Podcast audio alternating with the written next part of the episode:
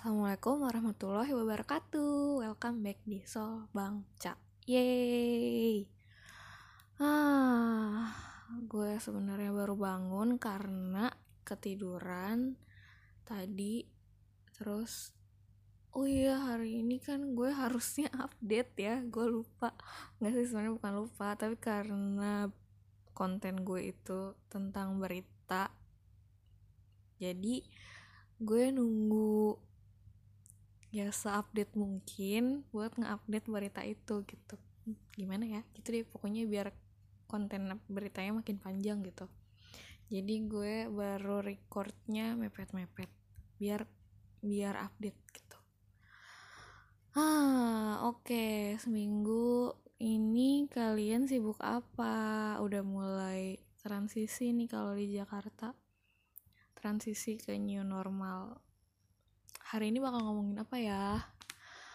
Nggak sebanyak yang kemarin dan nggak dan nggak kayak kemarin juga ngetehnya nggak nggak separah kemarin. Tapi tetap bakal ada. Jadi tungguin aja ya.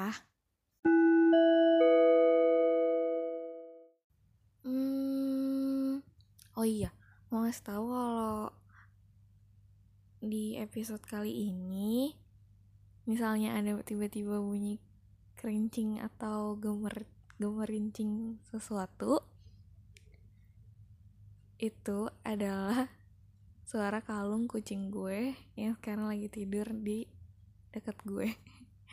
Biasanya sih emang dia suka tidur di kamar gue tapi uh, kalau lagi recording biasanya gue suruh tidur di luar. Cuman hari ini karena lagi ada tamu di rumah gue dan kucing gue penakut jadi ya udah nggak apa-apa tidur di kamar gue aja jadi kalau misalnya nanti ada tiba-tiba bunyi kerincing berarti itu bunyi kalung kucing gue ya oh oke okay. topik yang pertama bakal gue bahas ini adalah drakor drakor baru yang lagi hits banget. Lagi on topic banget deh lagi aduh kayak di Korea tuh semua orang nonton gitu. Uh, ratingnya juga dua-duanya tinggi. Pemainnya apalagi? Pemainnya terkenal banget dua-duanya terus yaudah langsung ngomongin aja judulnya. Yang pertama itu ada Psycho But It's Okay.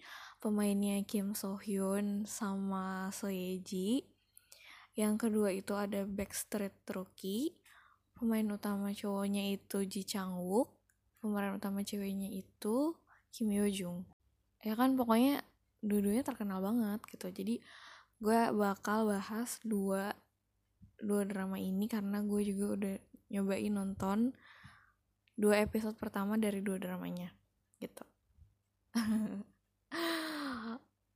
Oke, okay, gue bakal ngebahas ini se-spoiler free mungkin karena gue orangnya juga gak suka spoiler jadi kita mulai aja dari karena yang pertama tayang itu Backstreet Rookie. Jadi gue bakal bahas Backstreet Rookie ini dulu. Uh, Backstreet Rookie ini sebenarnya gue maju mundur gitu loh nontonnya karena pemeran utamanya itu uh, beda umurnya lumayan jauh. Uh bukan lumayan jauh bukan lumayan jauh lagi sih emang emang jauh banget gitu. Si Ji Changwook itu udah opa-opa opa-opa ke om menuju ke om-om. Sementara Yojung itu masih kecil. Yojung itu artis artis dari bayi gitu loh apa sih namanya? Artis cilik. Dia tuh tadinya artis cilik tapi sekarang udah legal age. Jadi ya udah mainnya mainnya juga udah mulai yang legal-legal. Terus? Ya tapi gue kayak nggak nyangka gitu loh mereka berdua dipasangin. Soalnya uh, beda umurnya jauh banget gitu. Tapi ternyata pas gue nonton eh, nggak uh, terlalu kelihatan banget sih. Soalnya ujungnya kayak didandanin setua mungkin gitu kayak jadi tua gitu ujungnya nah terus tehnya adalah si Backstreet Rookie ini yang bikin orang-orang punya ekspektasi tinggi karena punya pemain-pemain yang keren adalah di episode 1 itu banyak bagian-bagian yang menuai kritik gitu. Jadi uh, apa sih si rating rating acara tersebut itu untuk acara eh apa ya itu bukan rating ya apa ya namanya kayak acara itu di teruntukkan kepada umur berapa itu namanya apa sih? Gitulah pokoknya kayak kalau di Indonesia tuh bimbingan orang tua dewasa ya kayak gitu-gitu. Nah jadi kalau si Backstreet Rookie ini ditujukan buat 15 tahun ke atas 15 tahun ke atas itu berarti kalau oh ya by the way di Korea itu legal age-nya umur 20 ya. Jadi mereka itu baru legal age kalau udah lulus SMA gitu.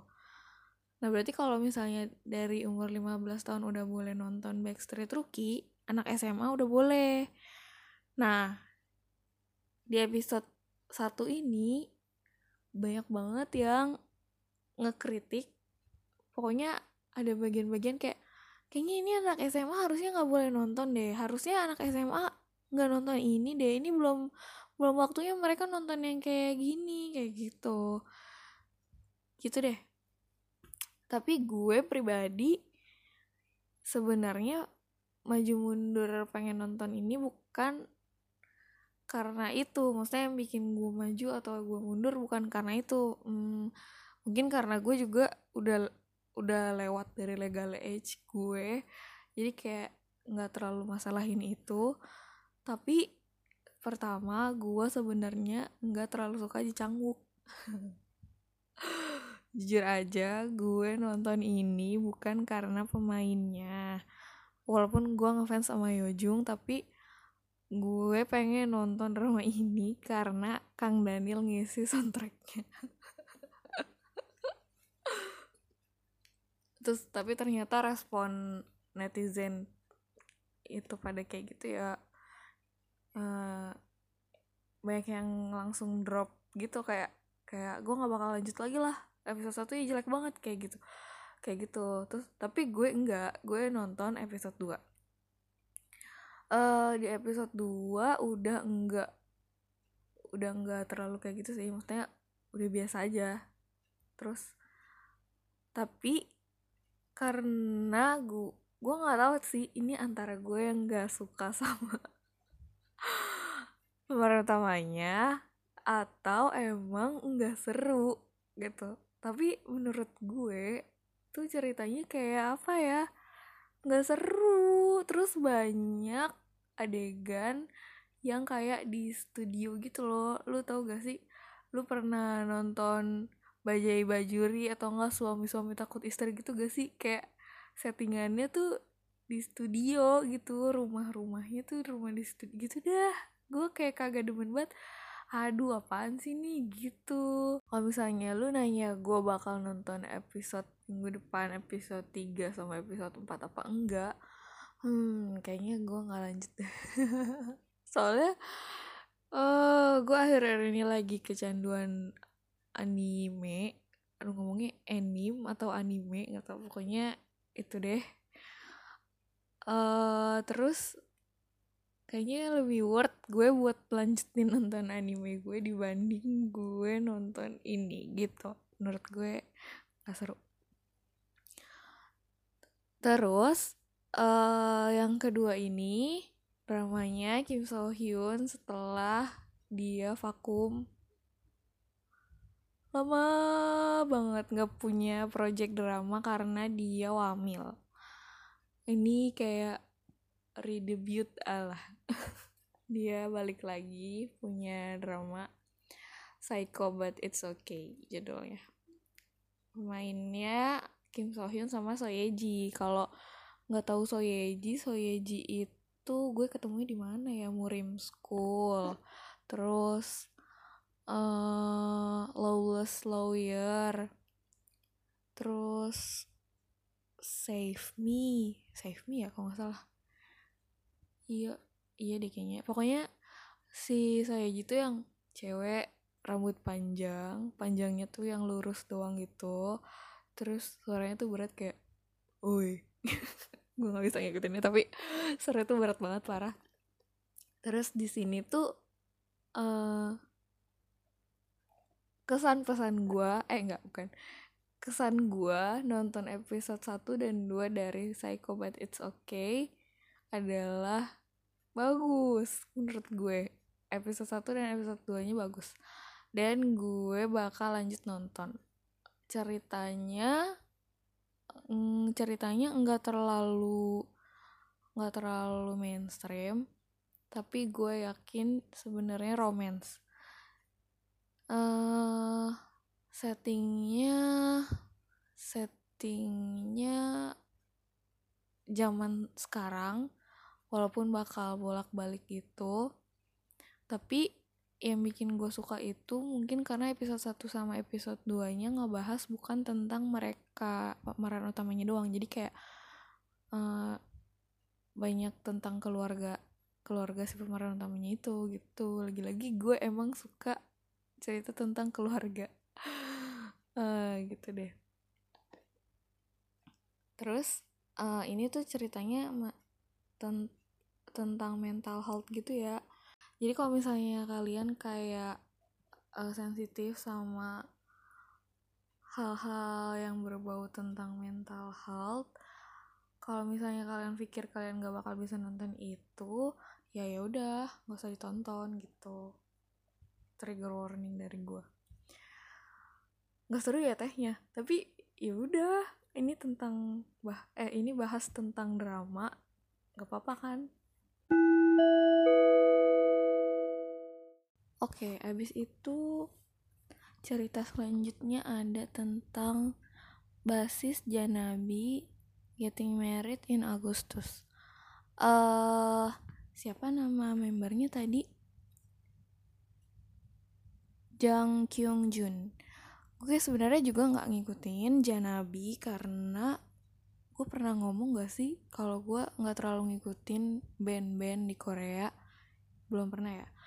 Iya jadi gue nggak terlalu ngikutin tentang band di Korea. Yang gue tahu itu juga band-band yang keluaran agensi-agensi gede gitu. Kayak misalnya Day6, Cian Blue, Unflying, uh, The Rose, Oh Hyuk, eh Yuko, yang kayak gitu. Jadi eh Janabi ini sebenarnya terkenal uh, band indie band indie in, band indie gitu deh kalau nggak salah.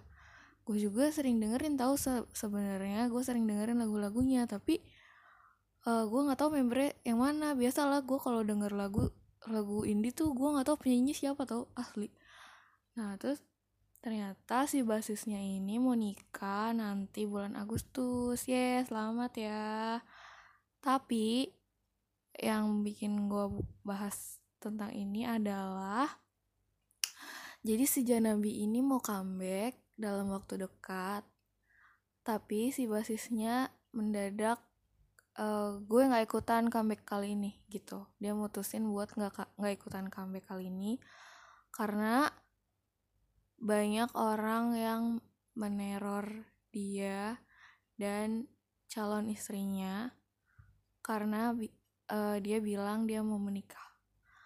Hmm, episode kemarin gue udah bahas tentang Changmin DBSK yang mau nikah. Episode kali ini gue bahas lagi karena buset dah. Kayak pada kenapa sih anjir? Kagak seneng banget orang nikah gitu ya ya Allah. Ya kenapa emang kalau misalnya mereka mau nikah kan emang mereka maunya kayak gitu gitu. Maksudnya gak usah banget lah ikut campur masalah pribadi mereka. Sampai sampai si basisnya ini bilang mental healthnya udah nggak bisa lagi buat ikutan comeback kali ini gitu. Anjir kan sedih banget ya kalau misalnya coba deh nih. Seandainya lo ngefans banget nih sama opa lu ngefansnya yang mas ya di otak gue lah yang masih masuk di otak gue gitu. Ngefans yang aduh gue suka banget nih. Misalnya gue suka sama Uyon gitu. Aduh gue suka banget nih Uyon. Gue suka banget cara dia jalan. Gue suka banget cara dia nyanyi. Gue suka banget cara dia kentut. Ya pokoknya yang kayak gitu yang masih masuk akal di otak gue gitu yang menurut eh nggak bukan masuk akal yang ada di otak gue yang terbesit di otak gue gitu. Terus uh, tapi itu barusan bukan gue ya gitu. Gue cuma kayak mikirin lo tuh sukanya kayak gitu gitu. Orang-orang itu sukanya kayak gitu. Duh gue suka banget nih sama basis Janabi gitu. Tuh tiba-tiba jeng jeng uh, gue mau nikah sama orang bukan selebritis gitu. Terus hah? Lo suka sama eh lo mau nikah sama dia? Gitu. Terus lo sebel nih sampai lo bikin bikin bikin uh, surat surat surat meneror gitu apa ya gitulah komen komen head gitu ke selain ke dia juga ke calon istrinya juga. Kayak lo ngapain sih nikah segala gini gini gini gini gitu. Terus dia baca bacain semua itu yang lo tulis terus hatinya hancur kayak e, anjir gimana nih? Gue ke depannya bakal gimana? Yang kayak gitu. Pasti sampai akhirnya dia mutusin buat enggak ikutan comeback padahal yang bikin lo suka sama dia itu pasti karena musik kan? Maksudnya ya kayak gue suka sama Uyon karena gue suka dia nyanyi gue suka dia berkarya sebagai musisi dia gue suka dia bikin lagu kayak gitu. Terus masa gara-gara gara-gara hal dia mau menikah lo sampai langsung membenci dia sampai bikin dia nggak suka nggak melakukan hal yang lo suka eh, maksudnya gak melakukan hal yang bikin lo suka ke dia gitu. Ih aneh banget sumpah ini tuh sangat tidak masuk akal guys. Please please kalian kenapa guys gitu. Tolonglah dinormalin dinormalin opa-opa lu untuk menikah please. Tolong banget gue mohon sama kalian. Udah gitu aja tehnya Oke, selanjutnya ada berita bahagia dari Taekyon. Tahu Taekyon nggak? Eh, uh, tahu 2PM nggak? Masa sih udah lupa 2PM? Ya, Taekyon 2PM baru kayaknya baru beberapa jam yang lalu nge-confirm berita kalau dia punya pacar. Yeay, seneng banget, sumpah. Kali ini bukan teh karena gue literally seneng banget karena dulu pas awal-awal gue suka K-pop itu Taekyon termasuk pengisi hari-hari gue anjay gitu deh jadi kayak gue waktu masih copo banget K-pop K-popnya terus udah ada Taekyon di sisi gue anjay wah opa selamat ya. Terus dia bilang juga cal eh bukan calon istri apa sih masih dibahas tentang yang tadi. Kalau pacarnya itu bukan selebriti gitu. Nah terus nih ya kalau udah keluar berita kayak gini jangan pada kaget kalau misalnya sehari atau dua hari kemudian dia bakal bilang gue mau nikah. Udah deh gak usah kaget. Emang emang udah waktunya juga udah 30 tahun men dia udah udah saatnya ya udah saatnya dia buat nikah gitu. Udah nggak usah nggak usah nggak usah norak deh loh pada. Ah. Uh, move on dari berita-berita menikah dan pacaran. Kali ini gue bakal ngebahas sedikit banget tentang AU kalau kalian uh, suka nemu tuh kayak gue atau orang-orang yang lainnya. Suka K-pop gitu suka nge-tweet atau ngomong aduh AU yang gue lagi baca belum lanjut nih gitu. Atau enggak sumpah AU-nya seru banget gue nggak bisa berhenti baca kayak gitu. Atau atau apa gitu sesuatu yang ada bau-bau AU AU-nya gitu. Jadi si gue mau jelasin tentang AU ini supaya kalian ngerti dikit. Tapi ini gue bakal bahasnya dikit banget sedikit dikit banget. Nggak ada seapa-apanya. Nggak ada seapa-apanya tentang AU universe. AU universe. Tentang dunia perauan gitulah pokoknya. Jadi AU itu kependekan dari alternate universe yang artinya universe yang berbeda gitu. Jadi uh, universe yang berbeda dari cerita aslinya, bukan cerita aslinya, kehidupan aslinya gitu. Oke, jadi misalnya di dunia yang sekarang lagi yang sekarang ini si Aping lagi bikin podcast kayak gini. Nah, kalau di AU bisa aja si Aping itu ternyata penyanyi atau enggak misalnya di AU yang lain itu si Aping ternyata umurnya udah 35 tahun dan udah nikah dua kali gitu. Gitu, gitu, ngerti gak? Kalau misalnya kalian nonton Spider-Man Into Spider Universe gitu deh. Kan ada tuh uh, ceritanya Spider-Man ketemu Spider-Man yang lain gitu. Peter Parker ketemu Peter Parker yang lain gitu. Eh ya gak sih? Pokoknya banyak Spider-Man di universe-nya Spider-Man gitu. Jadi kayak gitu deh intinya. Intinya uh, kalian nangkep gak? Kayak kayak bikin cerita di universe yang berbeda sesuai sama yang ingin penulisnya bikin gitu. Sebenarnya sih fanfiction intinya mah cuman kayak zaman now-nya tuh dibilangnya AU gitu. Gak sih? Sebenarnya udah ada dari dulu. Cuman akhir-akhir ini tuh nggak tahu kenapa fanfic jadi jarang dipakai lebih seringnya dibilangnya AU karena universe-nya itu yang bikin terserah si penulisnya gitu. Nah gue semenjak uh, semenjak kapan ya gue suka baca AU tuh semenjak gue suka X1 deh kayaknya. Semenjak produce X101 kayaknya. Soalnya sebelum-sebelumnya gue jarang banget baca AU fanfic gitu. Nggak emang sebenarnya gue nggak suka baca intinya. Tapi pas pokoknya setel setelah setelah produce X101 ini gue jadi sering banget baca AU apalagi kalau sekarang ini AU-nya tuh banyak banyak dibikin kayak kayak screenshot screenshot WhatsApp gitu, screenshot Twitter gitu deh namanya sosmed AU gitu. Jadi uh, fanfictionnya itu diceritakan dari screenshotan obrolan WhatsApp atau Twitter gitu. Jadi gue nggak perlu baca narasi yang panjang gitu kayak zaman gue dulu suka suju gue masih sering baca fanfic. Nulisnya tuh di WordPress terus yang panjang banget per paragraf paragraf gitu udah nggak kayak gitu sekarang.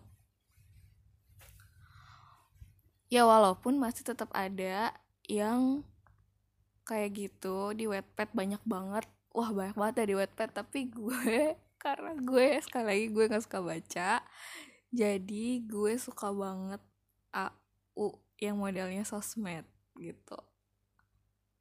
Tapi tapi tetap aja kalau misalnya AU-nya seru banget seru banget. Gue baca narasi panjang juga gue baca sumpah. Gue pernah baca 31 ribu kata. Itu panjang banget parah. Gue baca kayaknya tiga jam lebih dah. Karena emang uh, tiga jam lebih itu juga karena emosi gue campur aduk gue nangis nangis dulu ketawa-tawa nangis nangis lagi kayak gitu. Ternyata gue suka baca tapi tapi yang yang ada bau-bau au-aunya juga apa sih? Nggak jadi ternyata sebenarnya tuh gue suka baca juga kalau walaupun gue bilang gue nggak suka baca gue bacanya AU sosmed doang gitu. Tapi ternyata pas gue baca itu yang udah 31 ribu kata itu ya gue baca aja sampai gue tetap nangis dan gue ngerasa nggak bosan walaupun udah panjang banget. Kayak gitu. Terus ya udah jadi sebenarnya gue tuh suka baca apa enggak ya? Gitu. Eh tadi mau ceritanya tentang apa sih AU nya uh, oh iya sama banget kayak fanfic AU ini juga ada berbagai macam genre. Kayak misalnya uh, romance terus yang mulai-mulai lagi hits tuh love terus uh, angst terus komedi horor thriller ya kayak gitu gitulah biasa. Nah terus gue tuh kemarin eh kayak baru empat hari atau dua hari yang lalu gue baru baca uh, eh, AU-nya Teh Si Teh aduh itu Ay, bagus pisan aing mah sampai nangis. Sumpah gue tuh suka banget cerita AU apa pun bentuknya. Kalau nyeritain tentang keluarga sumpah. Kak gue tau kalian gak bakal baca jadi gue ceritain aja yang bikin yang baru beberapa hari lalu gue baca itu. Ceritanya uh, ada seorang idol di AU ini uh, di mana dia ceritanya itu kerjanya uh, kerja tambang gitu offshore gitu suka suka jalan-jalan suka jalan-jalan nggak nggak menetap di su suatu rumah. Pokoknya kerjanya di tambang terus perminyakan dan tambang gitu-gitu gue gak ngerti. Terus dia kerjanya juga per project jadi dia nggak nggak bukan karyawan yang selamanya bakal kerja di situ terus gitu jadi per project aja. Udah gitu dia punya sahabat sahabat deket gitu cewek cowok yang ternyata mereka punya anak satu. Terus di situ sahabat dia itu si cewek cowok ini meninggal kecelakaan jadi anaknya itu eh, yatim piatu. Nah di surat di di surat waris eh gue lupa deh surat warisan atau kata-kata terakhirnya gitu. Kayaknya kata-kata terakhir deh. Kata-kata terakhir si si cewek ini bilang gue nggak bakal nyerahin anak gue ke orang tua gue maupun orang tua suami gue karena gue nggak akan rela. Terus dia nitipin anak ini ke cowok ini. Aduh please. Kayak dia tuh dia yang nggak si idol pemeran utama ini yang nggak pernah ngurusin anak kecil. eh, jangan kan ngurusin anak kecil gitu dia aja tuh kerja mulu kerjanya itu juga kayak pindah-pindah gitu kayak sosialisasi aja jarang karena dia kerja mulu. Tiba-tiba kayak gitu dititipin dititipin seorang anak umur lima tahun terus sumpah itu lika-likunya gue baca dia sebagai papi baru. Aduh sumpah. Gue nangis men gila. Itu ceritanya bagus banget sumpah. Gue tuh emang suka banget tahu AU AU cerita family. Enggak kayaknya bukan cuma AU doang deh.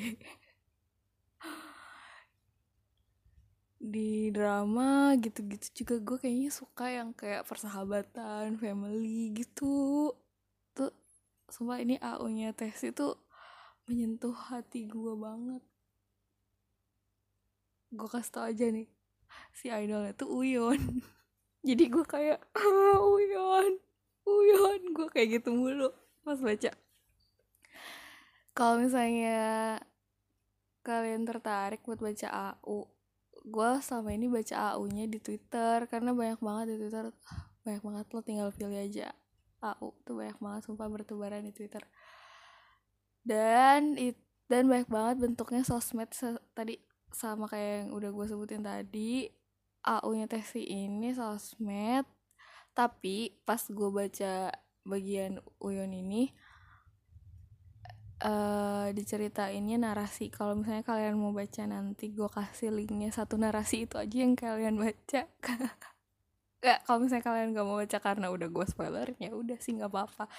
Gue mau cerita itu aja sedikit sedikit pelajaran buat kalian tentang AU pelajaran pengetahuan maksudnya sedikit doang.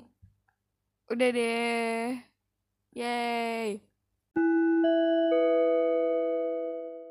Oke deh, udah sampai di closing. Kayaknya episode minggu ini enggak sepanjang minggu yang kemarin. Dan doain aja gue ngeditnya gak males-malesan kayak minggu kemarin. Karena sumpah sebenarnya tuh gue ngeditnya udah bener. Tapi nggak tahu kenapa di anchornya tuh kayak lompat-lompat gitu. Terus gue kayak iya apa sih? Gue udah capek ah udahlah bodo amat. Gitu. Terus uh, ya udah semoga yang kali ini nggak lompat-lompat kayak gitu karena gue belum nyoba nih kurang rekomendasi misi ratu. Suruh pakai aplikasi apa ya? Gue lupa judulnya. Tapi ya udah gue pakai anchor dulu aja yang buat episode kali ini. Uh, sebenarnya tadi gue udah bikin closingan dulu eh maksudnya udah bikin closingan yang lain sebelum ini eh ses ya sebelum ini. Uh, dan di situ gue kasih bonus live reaction gue tentang eh live reaction gue dari MV barunya Seventeen yang left and right. Tapi setelah gue inget-inget lagi gue takut kena copyright. Jadinya gue ulang deh ngetek ngetek ulang bagian closingnya. Sebenernya gue pengen banget kayak ada live reaction live reaction gitu tapi ya udahlah. Karena takut kena copyright jadi gue omongin aja nggak pakai lagu nggak pakai lagunya. Sumpah garing banget. Uh, gue tadi nggak gue tadi terus terang itu pertama kalinya gue ngeliat MV Left and Right dan sebenarnya juga gue pengen bikin live reaction ini. Jadi kayak gue pengen pertama kali pertama kali nonton MV-nya ini pas ngebahas di podcast gue eh terus pas gue dengar record, hasil recording gue lah ini lagunya nanti kena copyright kali ya. Soalnya lagunya tuh jelas gitu loh. Dan full full satu lagu gitu. Karena ya namanya juga live reaction kan. Terus jadinya gue drop deh. Gak jadi gak jadi deh gitu. Terus karena tadi pertama kalinya gue ngelihat MV-nya jadi uh, karena itu MV ya gue jadinya ngeliat ngeliat dulu visualnya. Maksudnya adalah gue nggak merhatiin caption liriknya di bawah. Gue malah ngeliatin videonya gitu. Ya kebiasaan gue kayak gitu. Uh, lagunya ear catching menurut gue karena baru pertama kali ngeplay aja gue langsung tahu gitu. Left and right left and right gitu. Ah maaf ya suara gue jelek. Wah gitu dah lagunya. Terus udah gitu lagunya kayak happy happy happy gitu. Vibe happy mungkin karena lagi summer. Terus yang gue suka banget dari MV-nya itu nggak gelap.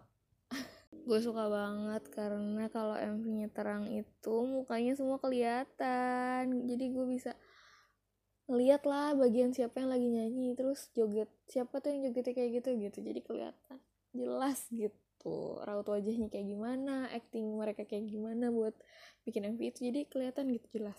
Terus udah gitu yang terang juga mungkin karena vibe-nya summer. Terus mereka tuh kayak happy banget ketawa-ketawa jogetnya juga kayak funky abis joget joget joget asik-asik gitu ya.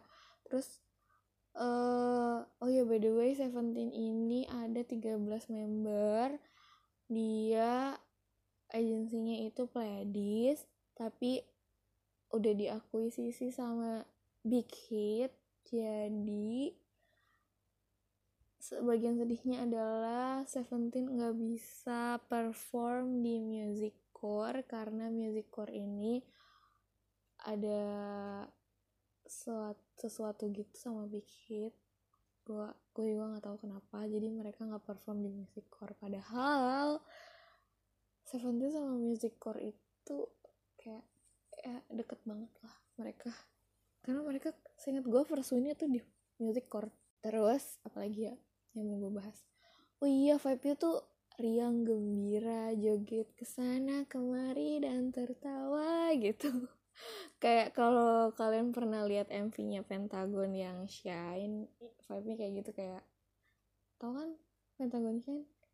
Kuku kakak butterfly itu eh itu happy happy gitu. Terus karena gue belum baca liriknya jadi mungkin abis ini gue bakal baca liriknya. Overall gue suka sama comebacknya. Di sini mungkin minggu-minggu ini bakal pertarungan penuh antara Seventeen dan Stray Kids gitu. Karena Stray Kids gue udah lihat minggu kemarin MV-nya jadi uh, nggak gue nggak gue bahas di sini Stray Kids kayak ya gue bahas sedikit Stray Kids kayak biasa lagunya powerful banget.